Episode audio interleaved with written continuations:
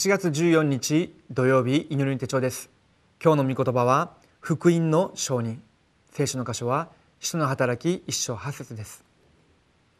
しかし聖霊があなた方の上に臨まれる時あなた方は力を受けます。そしてエルサレムユダヤとサマリアの全土および地の果てにまで私の証人となります。今私たちの現場で神様が求められるのが福音の証人キリストの証人です。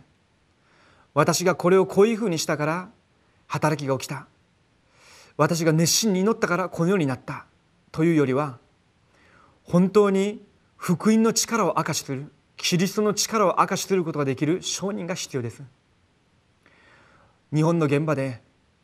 私と皆さんが少しだけ福音を発見してその福音を味わいその中で祈り始めるんであれば神様が行くところどころ闇の中にいた人たちを私のもとに導いてくださるようになるでしょう。今日祈り手帳を読み進めながら現場で私自身がキリストの証人として福音の証人として立てられるように祈っていきたいと思います。では序文を一緒に読みたいと思います。神様は私たちを福音の証人として立ててくださいました。私たちが福音の証人であるならば福音は人を生かすものであるため私たちは人を最もよく理解しなければなりません。人を理解することができないならば正確な福音を伝えることができないからです。教会の中で教育者と信徒の関係を十分に理解していなければなりません。教会の中には持っているものと持っていないもの成功したエリートと失敗した者がいます。牧会者たちは住職者と信徒をよく理解し住職者と信徒たちは牧会者をよく理解しなければなりません。こういう雰囲気の中で誠の証拠が出てくるようになります。神様が証拠をくださる者たちには特徴があります。一つ目です。誰に？多くの証拠を持った初代教会の弟子たちは何を持っていたのでしょうか？はじめにイエスがキリストだという奥義を持ってキリストを味わう者たちでした。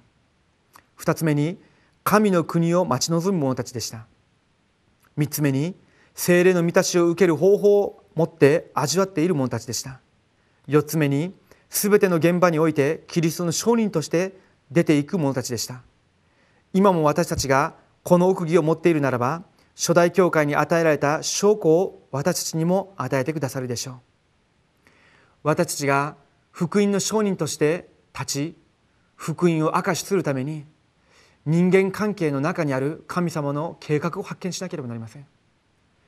私たちが見るとなぜこの人はこのようなことを言うのかなぜこの人はこういう問題があるのかそういうふうに思うかもしれませんですけれども本当に私が福音の証人として立つためにはそのような中にあったとしても全てを福音の目で見て神様の計画を発見することができてこそ正しく福音が福音として明かしされるようになります。ですので今日私たちにあった教会の中人間関係の中で職場の中にあったあらゆる葛藤問題それを福音の目でもう一度見ることができるように祈ってみましょう。その中でキリスト神の国精霊自慢この契約を握って祈り始めるんであれば必ず神様がキリストの証人として立つことができるように導いてくださるはずです。2つ目です。どのように自分に対して真実に発見していくほど神様はたくさんの証拠を与えてくださいます。パウロはイエス・キリストを知る前自分が追い求めていた全てのものを知り悪ただと感じるほどキリストを発見しました。キリストを知る知識が最高の知識だと告白しました。無気力で弱い自分自身の姿を発見し神様の恵みを求めました。恥ずかしい霊的問題と病気を置いて祈りながら神様の恵みを体験しました。今日神様の前で自分自身を発見するならば私たちもまた神様の証拠を持った証人として立つようになるはずです。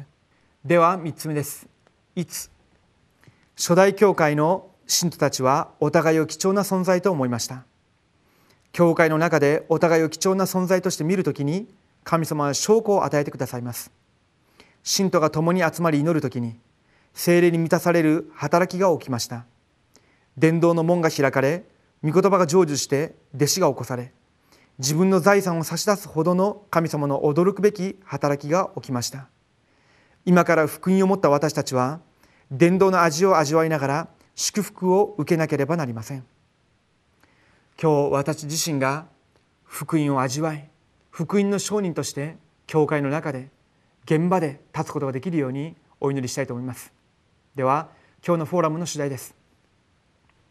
私が持っている福音の奥義を深く黙想して味わう時間を持ってみてください。また神様の前で自分自身を振り返り周りの人々を福音の目で見ながら理解して顧みる時間を持ってみましょう。お祈りします。生きておられる神様に感謝を捧げます。私に福音を与えられましたけれども私だけが福音を味わっているつもりでいるのではなくて本当に私に与えられたこの福音を味わう中で他の人たちを十分に理解し人の持っている苦しみ霊的な問題悩みその中で福音を福音として証しすることができる弟子としてください。未信者の現場の中にあったとしても未信者たちの隠されている霊的な問題を見てそれを憐れみ本当に福音を明かしすることができる伝道者としてくださりそのような福音の目を持っている者たち一人一人が集まって祈る時になされる神様の力を体験させてください。福音の証人として今日自分たちがいるその現場現場ごとで証しする証人としてください。生きとられるイエス・キリストの皆でお祈りします。アーメン。